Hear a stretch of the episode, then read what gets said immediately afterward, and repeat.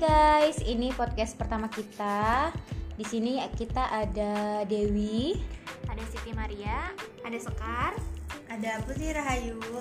Nah, belakangan ini kan banyak banget nih tentang nikah-nikahan gitu, kayak di TV juga banyak tuh kayak Aurel Hermansyah sama Atta Halilintar. Nah, di sini kita mau ngebahas tentang gimana sih linta, gimana sih adat budaya pernikahan itu Nah, berhubung di sini aku Sekar sama Maria, eh sama Putri itu orang Jawa dan Maria ini orang Sunda sendiri, kita mau ngebandingin nih adatnya apa aja sih yang beda? Perbedaannya apa aja tuh? Nah, tuh. Nah, yang biasanya di adat Sunda itu ada tujuh step. Yang pertama itu ada nenden omong. Nenden omong itu biasanya keluarga bertemu di kediaman keluarga perempuan untuk melakukan silaturahmi dilaksanakan secara santai tapi serius.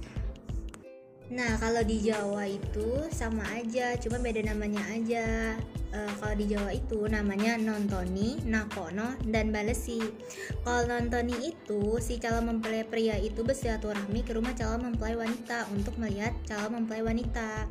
Nah kalau nakono atau menanyakan itu uh, apakah putri dari keluarga pria bermaksud untuk mengambil sebagai menantu. Nah sebagai balasannya atau balesi keluarga calon mempelai wanita bersilaturahmi ke keluarga calon mempelai pria untuk menyatakan kesediaannya menjadi besan setelah mendapatkan persetujuan dari calon mempelai wanitanya. Oh berarti sebenarnya sama aja ya yang step pertama itu di Jawa ataupun di Sunda bedanya cuma di Jawa mungkin lebih dalam kayak ada balas-balasan gitu kan hmm. kayak tadi hmm. apa? Iya kalau di Jawa tuh kayak ada nontoni, nakokno sama balesi sedangkan kalau di Sunda kayak baru silaturahmi aja sama kelu sama keluarganya. Hmm Terus abis itu kalau di Sunda ngapain aja Mar? Nah kalau di Sunda itu ada keduanya ada narosan. Kalau narosan itu acara lamaran yang sesungguhnya di apa tahapan ini tuh bersifat resmi di mana pihak laki-laki perlu mempersiapkan banyak hal seperti makanan, cincin, daun sirih, pakaian. Tapi ini bukan masuk dalam kategori seserahan ya guys. Ah, kayaknya di Jawa juga sama sih Mar. Step keduanya itu seserahan. Cuma karena uh, gua kan lahir sama tinggal besarnya itu di Tangerang jadi cuma tahu sebelas sebelas doang coba deh sekarang sama Putri kira-kira bener nggak sih yang seserahan itu step keduanya atau beda nama gitu eh, nggak uh, cuma seserahan sih sebenarnya ada lamaran sama paning setan juga Oh, paning setan itu apaan? Paning setan itu kayak pengikat berupa pakaian, perhiasan, sama bahan makanan. Nah, itu tuh terjadi kesepakatan antara kedua belah pihak untuk menjalin ikatan keluarga. Selanjutnya, kedua pihak berunding bersama untuk mencari hari yang dianggap baik untuk melangsungkan pernikahan. Oh, berarti itu masuknya tuh yang adat Jawa itu yang kedua itu kayak lamaran, penistaan sama seserahan ya. Hmm. Sedangkan kalau di Sunda yang kedua itu belum nah. termasuk seserahan. Jadi yeah. kalau yang di Sunda itu seserahan itu masuk ke tahap ketiga, guys. Tahap ketiga itu di mana si pihak laki-laki itu perlu untuk mempersiapkan banyak hal seperti apa uang yang dibikin dengan cantik, perabotan rumah tangga, pakaian untuk mempelai wanita dan hal lain berkaitan keperluan wanita. Gak laki-laki juga nih dari wanitanya juga perlu mempersiapkan barang balasannya. Beberapa barang yang diberikan juga berkisar pada pakaian yang sering digunakan sehari-hari oleh mempelai pria gitu guys. Oh kalau di adat Jawa itu yang ketiga itu pasang taruh pasang taruh apaan tuh pasang taruh itu kayak sehari sebelum dilakukan akad nikah di rumah calon mempelai wanita didirikan taruh atau anyaman daun kelapa atau nipah untuk persiapan menerima tamu pada bagian kanan dan kiri pintu masuk dipasang tuhan atau e, antara lain pohon pisang raja, kelapa hijau, tebu, dan masih banyak lagi. Di depan pintu juga diberi janur kuning sebagai tanda akan melangsungkan hajat atau mantu. Oh, mulai dari sini tuh udah mulai agak beda ya. Terus kalau di Sunda yang tahap setelah serahan apa mah? Di tahap keempat itu ada namanya ngaras. Ngaras itu Tahapan yang bisa membuat orang tua menangis, terharu. Tradisi ngaras itu memungkinkan kedua belah pihak untuk meminta izin orang tua agar kedua mempelai membasuh kaki kedua orang tua mereka dan proses ini sangat sakral juga guys karena merupakan simbol simbol dari penghormatan kepada orang tua. Nah itu tuh kayaknya yang selalu bikin gue sedih Mau di nikahan siapa pun kalau ada acara kayak gitu pasti gue sedih deh Kayak di Atta Aurel ini loh pernah nonton gak sih? Iya itu kayaknya banyak deh yang jadi korban kesedihannya pernikahan Atta sama Aurel ya Nah iya rame banget kan di Instagram iya, ya banget. Udah, lanjut. Terus habis itu dari Jawa Sunda apa lagi nih? Siraman. Siraman. Oh, sama ya. Bedanya apa sih? Pasti ada bedanya kan? Sebenarnya hampir sama sih. Kalau siraman itu biasanya si calon perempuannya itu dimandikan atau diguyur dengan air dari bagian kepalanya. Pakai tujuh bunga, eh tujuh macam bunga gitu kayaknya biasanya. Tapi biasanya itu dia sebelum dimandiin ada pengajian gitu. Di Jawa ada pengajian nggak? Ada, tapi eh, di Sunda tuh mempelai prianya juga di ma- siraman juga nggak sih? Kalau di Jawa sih iya. Dia sih By the way itu fungsi siraman apa sih? Sebenarnya aku tuh dari dulu pengen tanya nih, siraman itu apa ya fungsinya? Ada nggak sih? Eh, siraman ini sendiri ini tuh memiliki makna menyuci, menyucikan diri secara jasmani dan rohani biar eh, diri kita itu bersih dan untuk menuju hidup baru Oh bersama iya. pasangan kita. Kan kita kan Cie. menuju hidup baru nih kalau misalnya menikah ya. itu tuh dilengkapi sama sesajen juga dong yang bermakna untuk permohonan keselamatan. apa aja sih sesajennya Iya sih. ada nggak sih penjelasannya? Kayaknya kalau sesajen tuh umum kali ya, eh, sesuai sama kepercayaan atau keluarganya masing-masing aja. Hmm, jadi gitu. Ya biasanya kan dari tertua keluarganya juga nggak sih kalau sesajen itu ya? Iya. dan biasanya juga udah adat yang dari sebelum sebelumnya dari leluhurnya biasanya Jadi turun temurun gitu ya guys. Iya.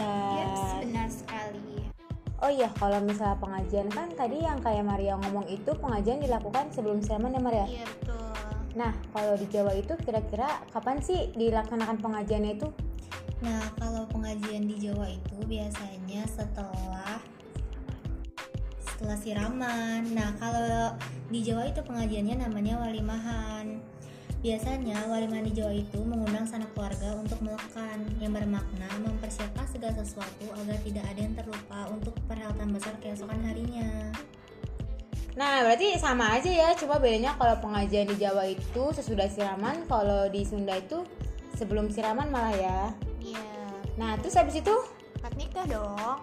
kalau di Jawa Iya nggak sih? Sama deh kayaknya. Langsung Iya, akad nikah ya kita akad ya? Nikah. Iya biasa. Setelah itu, setelah menjalani serangkaian proses yang panjang tuh guys, akhirnya kedua mempelai mencapai akad pernikahan.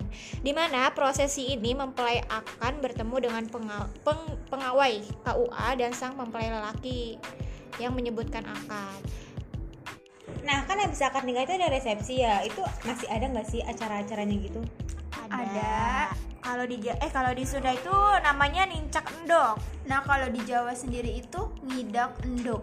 Sebenarnya artinya sama ya kalau bahasa Indonesia ya, nginjek telur. Hmm, benar. Tapi maknanya itu apa sih? Ada yang tahu nggak? Kalau nincak endok di Sunda itu biasanya melambangkan tanggung jawab si suami sebagai kepala rumah tangga, sementara si istri mengikuti bimbingan suami, guys. Oh, jadi nanti kan pas eh, prianya itu menginjak telur, abis itu wanitanya ngebersihin kakinya itu ya? Iya, pakai air ya? terdi gitu. Oh iya iya iya, aku pernah denger sih, pernah lihat juga waktu itu kayaknya waktu Itu juga menandakan kalau mempelai wanita akan kan mempelai wanita akan berlutut untuk membersihkan kaki mempelai pria itu merupakan simbol dari kesopanan dari seorang istri kepada suaminya. so sweet sekali.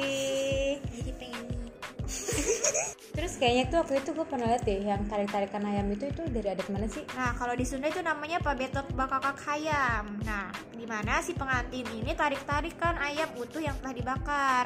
Yang mendapat bagian lebih besar harus membagi kepada pasangannya. Melambangkan rezeki yang diterima harus dinikmati bersama gitu. Oh berarti itu dari Sunda ya. Oh dari Jawa apalagi sih selain injek telur? Dulangan. Dulangan itu kedua mempelai saling menyuapi sebanyak tiga kali dan ritual ini tuh menyimbolkan bahwa kedua pasangan memiliki harapan untuk hidup rukun, tolong menolong, dan mampu menjalani kehidupan pernikahan dengan penuh pengertian. Nah, biasanya kalau di Sunda itu namanya huap lingkup, di mana pengantin disuapi oleh kedua pasang orang tua, di mana melambangkan kasih sayang orang tua yang sama besar terhadap anak dan menantunya gitu.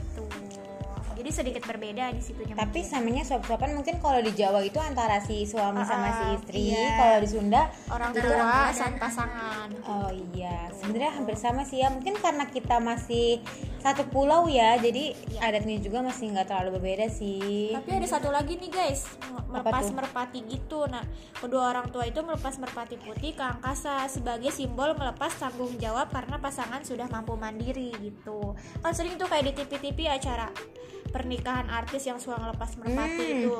Mungkin sering mereka- lihat sih mungkin mereka pakai adat itu kali ya Iya gitu. Nah selanjutnya itu yang di Jawa biasanya terakhir itu ada acara sungkeman. Ini tuh biasanya eh, acara terakhir ya. Ritual ini merupakan penghormatan kepada orang tua yang selama ini telah merawat mereka. Sedih banget kan? Pada resepsi pernikahan adat Jawa yang modern, sungkeman adalah ritual terakhir. Selanjutnya adalah acara salam-salaman dengan para tamu dan dilanjutkan dengan hiburan sambil menikmati hidangan yang telah disediakan. berarti sama ya sungkeman juga ada di adat Sunda. Cuman kalau di Jawa kan mungkin lebih detail disebutinnya apa apa aja gitu.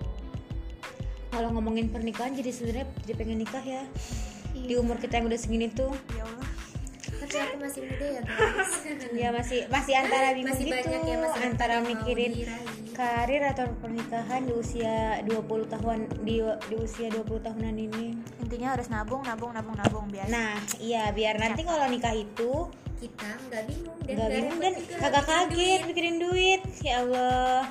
Semangat ya guys yang lagi berjuang menuju pernikahan. Insya Allah Nah, iya. dilancarin semuanya. Amin kayaknya cukup deh podcast kita hari ini. Nggak kerasa ya. Nggak kerasa ya udah 10 menit aja kita ngomongin Tentang tentang, pernikahan. pernikahan kayak gini.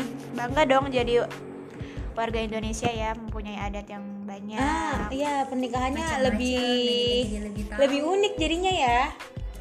Nah, intinya itu sebenarnya pernikahan itu bukan Bukan perlombaan ya. iya kan kagak banget ya tetangga kayak gitu kayak Eh, sekarang kan banyak yang uu gitu dan mereka tuh kalau ngelihat yang uu langsung kayak pengen, pengen nikah padahal kayak belum banyak ada yang harus dipersiapkan dulu Hmm, kan banyak padahal Mental. menurut- mental Ya. utama. mental uang sih sebenarnya nggak munafik ya kalau cewek itu pasti mental dulu eh mental, Mental sama sama uang uang. ya udah karena udah lama juga makasih ya udah dengerin podcast dari kita semoga ke depannya kita bisa buat podcast lagi dengan tema yang lebih menarik lagi jangan bosan-bosan ya guys buat dengerin podcast dari kami nah makasih See you. Dadah. See you.